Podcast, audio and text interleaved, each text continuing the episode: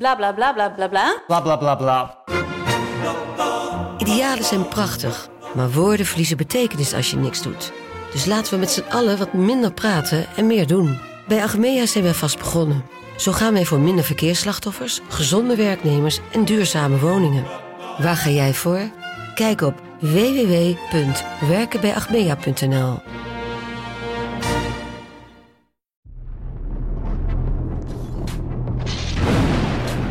Goedemorgen Tim. Goedemorgen. De VZSM van woensdag 21 september. Jouw debuut in uh, VZSM. Ja, even in het kort. Jij bent samen met Arjan van der IJssel uh, chef online van de redactie van uh, Voetbal International. Vandaag mag je debuut maken in VZSM. We gaan het nodige bespreken, maar we gaan het vooral hebben over Oranje. Ja, want het gaat natuurlijk heel veel om de WK-selectie. 26 spelers mogen er mee, waarschijnlijk vier keepers. Nou, laten we de keepers er even bij pakken. We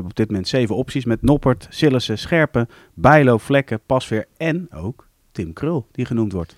Jij denkt zeven opties, maar dat zijn nog niet eens uh, de mensen die hij nog niet genoemd heeft. Want hij kwam natuurlijk van de week ook zomaar ineens met, uh, met scherpen. Ja. Um, dus een lang verhaal kort, het kan echt nog alle kanten op.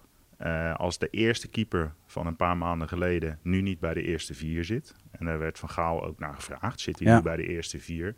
En het antwoord was eigenlijk, zonder dat hij dat heel hard wilde bevestigen, nou in principe niet.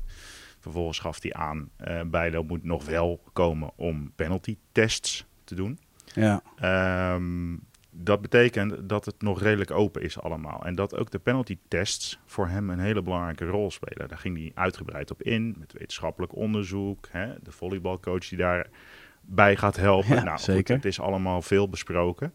Um, maar de kans is wel groot dat er vier keepers meegaan. Dat gaf hij aan nog niet zeker te weten of dat mocht.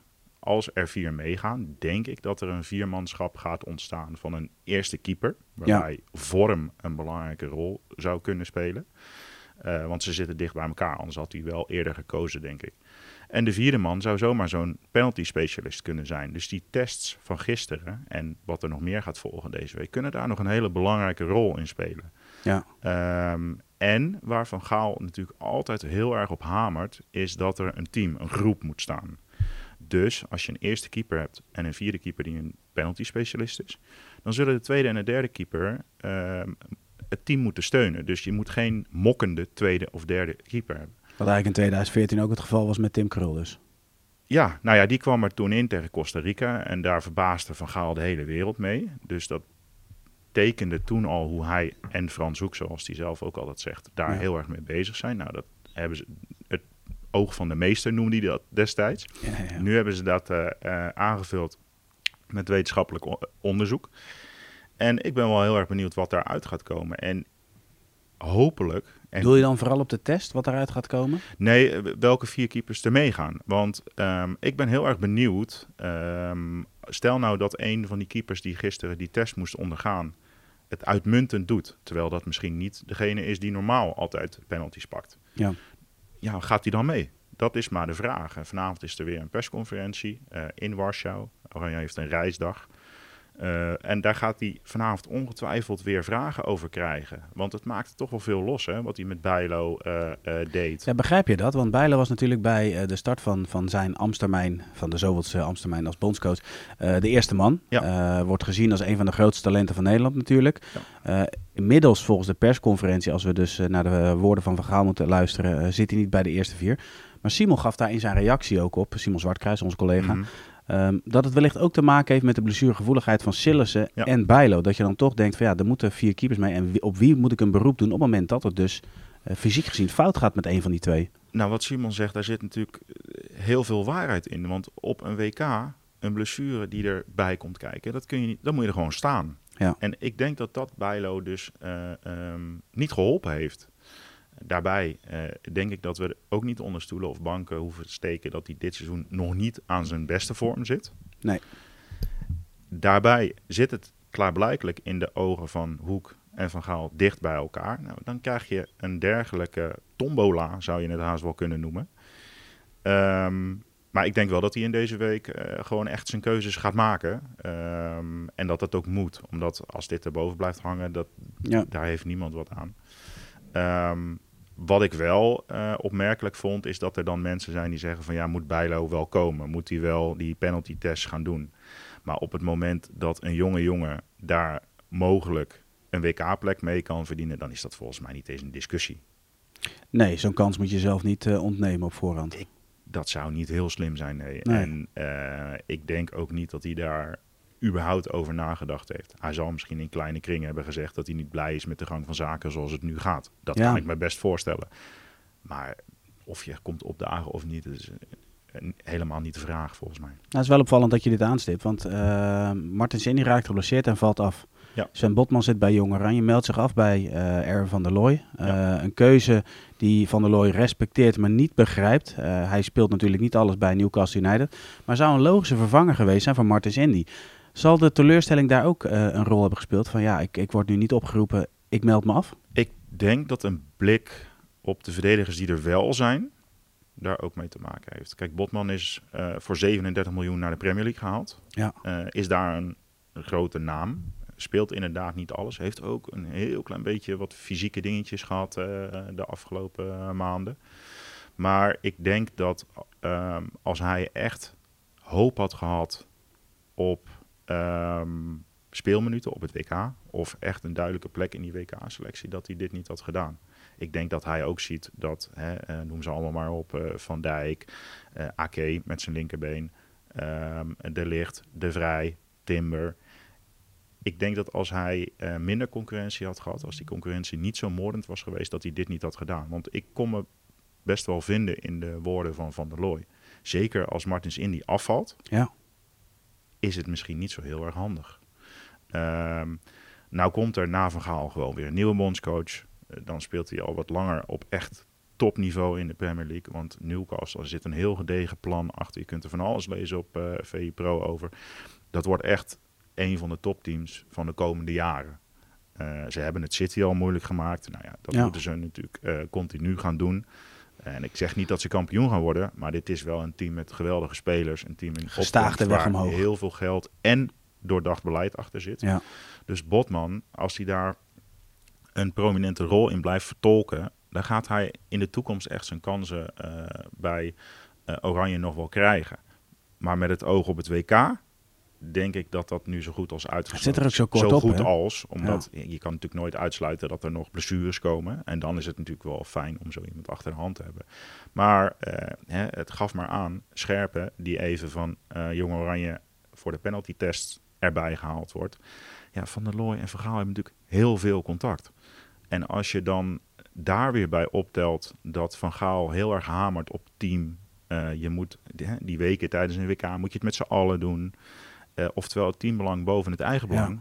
Dan denk ik dat eh, de woorden van Van der Looy niet alleen de woorden van Van der Looy zijn, maar dat daar ook over gesproken is met de bondscoach van het Grote Oranje. We hebben het natuurlijk tijdens de talkshow met eh, Kees Jansma hebben wij Frans Hoekik hier, hier te gast gehad. En ehm, dan gaat het over de structuur van werken bij Louis van Gaal. Waarbij hij dus, laat maar zeggen, alle scenario's doorneemt. Waarbij een plan B, plan C, strafschoppen. Over alles is nagedacht. Het gaat nu heel veel over strafschoppen. Jij gaf aan, voordat, voordat we hiermee begonnen, eh, plan B kan ook wel eens cruciaal worden in de komende Ja. periode. Hoe zou dat eruit kunnen zien, denk jij? Nou, als je de volgorde der dingen hebt. Penalties die zijn er om uiteindelijk als laatste eh, de beslissing te brengen. Maar eh, hij heeft wel eens eerder rond de 2-2 tegen Polen. En we moeten nu weer tegen Polen. Maar toen speelden we thuis tegen Polen 2-2. Na die wedstrijd heeft hij in de persconferentie ontvouwd ehm, hoe hij zijn plan B ziet. Ja. Hè, als er gescoord moet worden, dan denkt hij erover om eh, Memphis naar de zijkant te halen. Ehm, om op de andere zijkant een linksboot te zetten. eh, dus Berghuis. Of hij noemde zelfs koopmijners. Ja, En dan in de spits Weghorst. Luc de Jong noemde die, uit zichzelf. Die zat er destijds niet bij. Die, kreeg, eh, die, die zat er niet bij. En Van Dijk noemde die ook. Die zat er ook niet bij. Van Dijk kreeg toen rust. Weghorst zat er wel bij. En die roemde die voor zijn loopacties. ja, Maar als je zeg maar dan denkt aan een voorhoede van vier, dan is er één iemand die die noemt die er nu nog niet bij is. Dat is Luc de Jong. Die is nu nog geblesseerd, stond Ja. gisteren weer op het trainingsveld.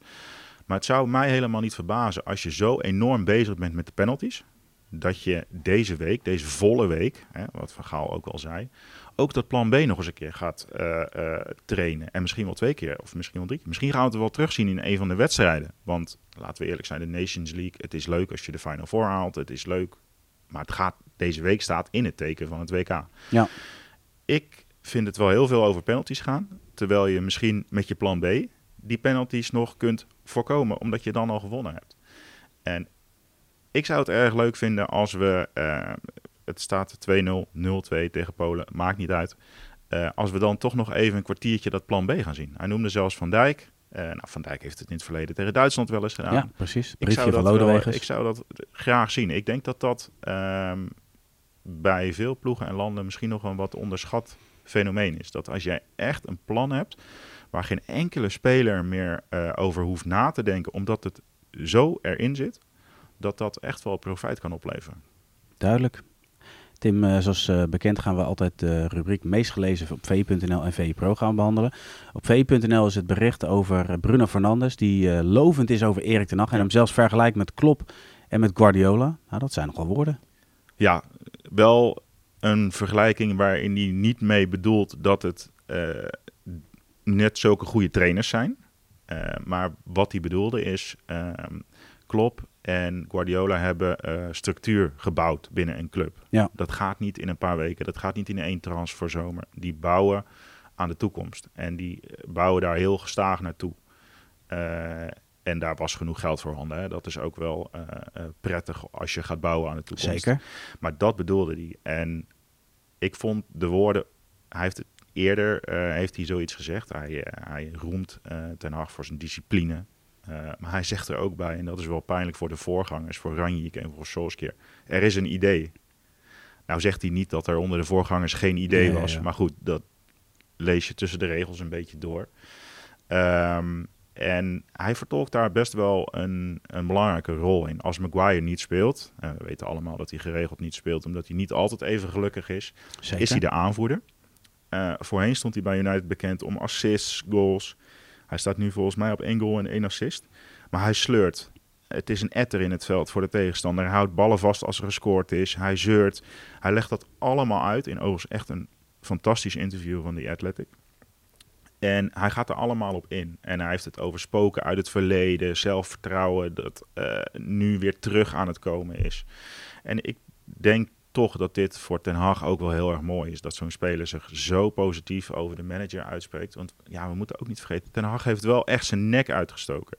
Hij heeft continu, terwijl de transfergeruchten waren over Ronaldo groepen, hij blijft, hij is belangrijk. Hij heeft hem de hele tijd op de bank gezet. Hij heeft heel veel spelers uit zijn eigen netwerk gehaald. Malasia blijkt een voltreffer. Ja. Anthony scoort bij zijn debuut. Eriksen wordt geroemd. Even ging het over Martinez, uh, ja, dat hij vrij klein was. Ja. Um, en inmiddels is dat ook alweer vervaagd. Het valt wel allemaal zijn kant op. Maar goed, na de interlandperiode ja, goed, komen er interessante wedstrijden aan. Hij heeft ook wel behoorlijke uh, keus gemaakt in die zin. Het had ook verkeerd uit kunnen pakken. Ronaldo Precies, dat is wat en dan, en dat dan is wat fout ik probeer gaan. te zeggen. Als jij tegen Liverpool met 5-0 eraf gaat en je hebt Ja. Ronaldo ernaast gezet en Ronaldo uh, loopt met een chicaneur gezicht de catacombe in, dan weten we allemaal waar het om gaat. De dagen erna. Ja. En hij heeft echt wel uh, ballen getoond. En, en blijkbaar waarderen spelers dat. Het plan, daaraan vasthouden, discipline. Ja, Uh, komt ook veel oh. terug in dat stuk. ja, ook, ook, ook Ronaldo uh, moet daaraan geloven. Die past in het, in het team, pas als Ten Hag dat vindt. En dat vind ik wel echt knap. Dat hij dat gedurfd heeft, dat hij daaraan vast heeft durven houden. En dat het vooralsnog uh, uitbetaald wordt met goede resultaten. Uiteraard na die eerste twee wedstrijden. Ja, precies. Dan gaan we nu naar de meest, tenminste het meest gelezen item op uh, VE Pro. Dat is in dit geval gaat het om de irritatie uh, van Van Gaal uh, tijdens de persconferentie. Martijn heeft daar een stuk over geschreven. De irritatie in de zoektocht naar perfectie. Er is al heel veel gezegd en geschreven over. Als je nou één aspect uit die persconferentie haalt, wat haal jij dan eruit? Ik denk dat er bij Van Gaal een heleboel dingen samenkwamen. Hij heeft uh, onder andere verteld hoe ontzettend druk hij het uh, deze, deze week had. Hij noemde zelfs het content maken voor allerlei kanalen. En, ja, ja, ja. Het, Belangrijk. Het leek wel alsof het even een journalist was. Um, maar ik denk dat het hem natuurlijk ook gewoon ontzettend dwars zit... dat dit eigenlijk zijn laatste week van de WK-voorbereiding is. We weten allemaal hoe hij dat in het verleden deed. Met weken kneden, bouwen aan een team. Ja. En dat kan nu gewoon niet omdat we een uh, winter-WK uh, ergens krijgen, uh, terwijl het een week, twee weken daarvoor nog gewoon competitie is. daarbij heeft hij gezegd dat hij wil vasthouden aan zijn vaste selectie voor het grootste deel. Ja. En door de transfers, weinig speelminuten, worden daar vraagtekens bij gezet. Dat zijn allemaal dingen die hem niet lekker zitten. Daar krijgt hij dan vragen over. Is hij geprikkeld? En ik had het idee dat hij dus al dusdanig geprikkeld die persconferentie inging. Want ja, laten we heel eerlijk zijn, die eerste vragen waren helemaal zo gek nog niet. Dat, dat was, dat was geen, geen zieke, dat was niet, niet smerig, dat was vrij normaal. Hij reageerde geprikkeld en mijn verwachting is dat je vanavond al een wat relaxtere bondscoach gaat zien. Oké. Nou Tim, uh, dankjewel voor jouw eerste bijdrage in de VZSM. Hoe heb je het zelf ervaren? Debuteren in de belangrijkste week voor het WK. Ik hoop dat ik geleverd heb. Ja, nou, je, je bent wel scherp. Want wat mensen niet weten, jij bent altijd als eerste op de redactie. En we zijn nu al een paar uur zijn we hier op de redactie. En waarschijnlijk is dit koffie nummer 9. Ja, ik heb nog geen slok genomen, dus uh, ik denk dat we er maar een eind aan moeten maken. Gaan we zeker doen. Tim, dankjewel. En jongens, jullie bedankt voor het kijken en voor het luisteren. Dit was de ZSM van woensdag 21 september. Morgen zijn we uiteraard weer terug met een nieuwe VZSM. Bedankt voor het kijken en het luisteren. Tot ziens.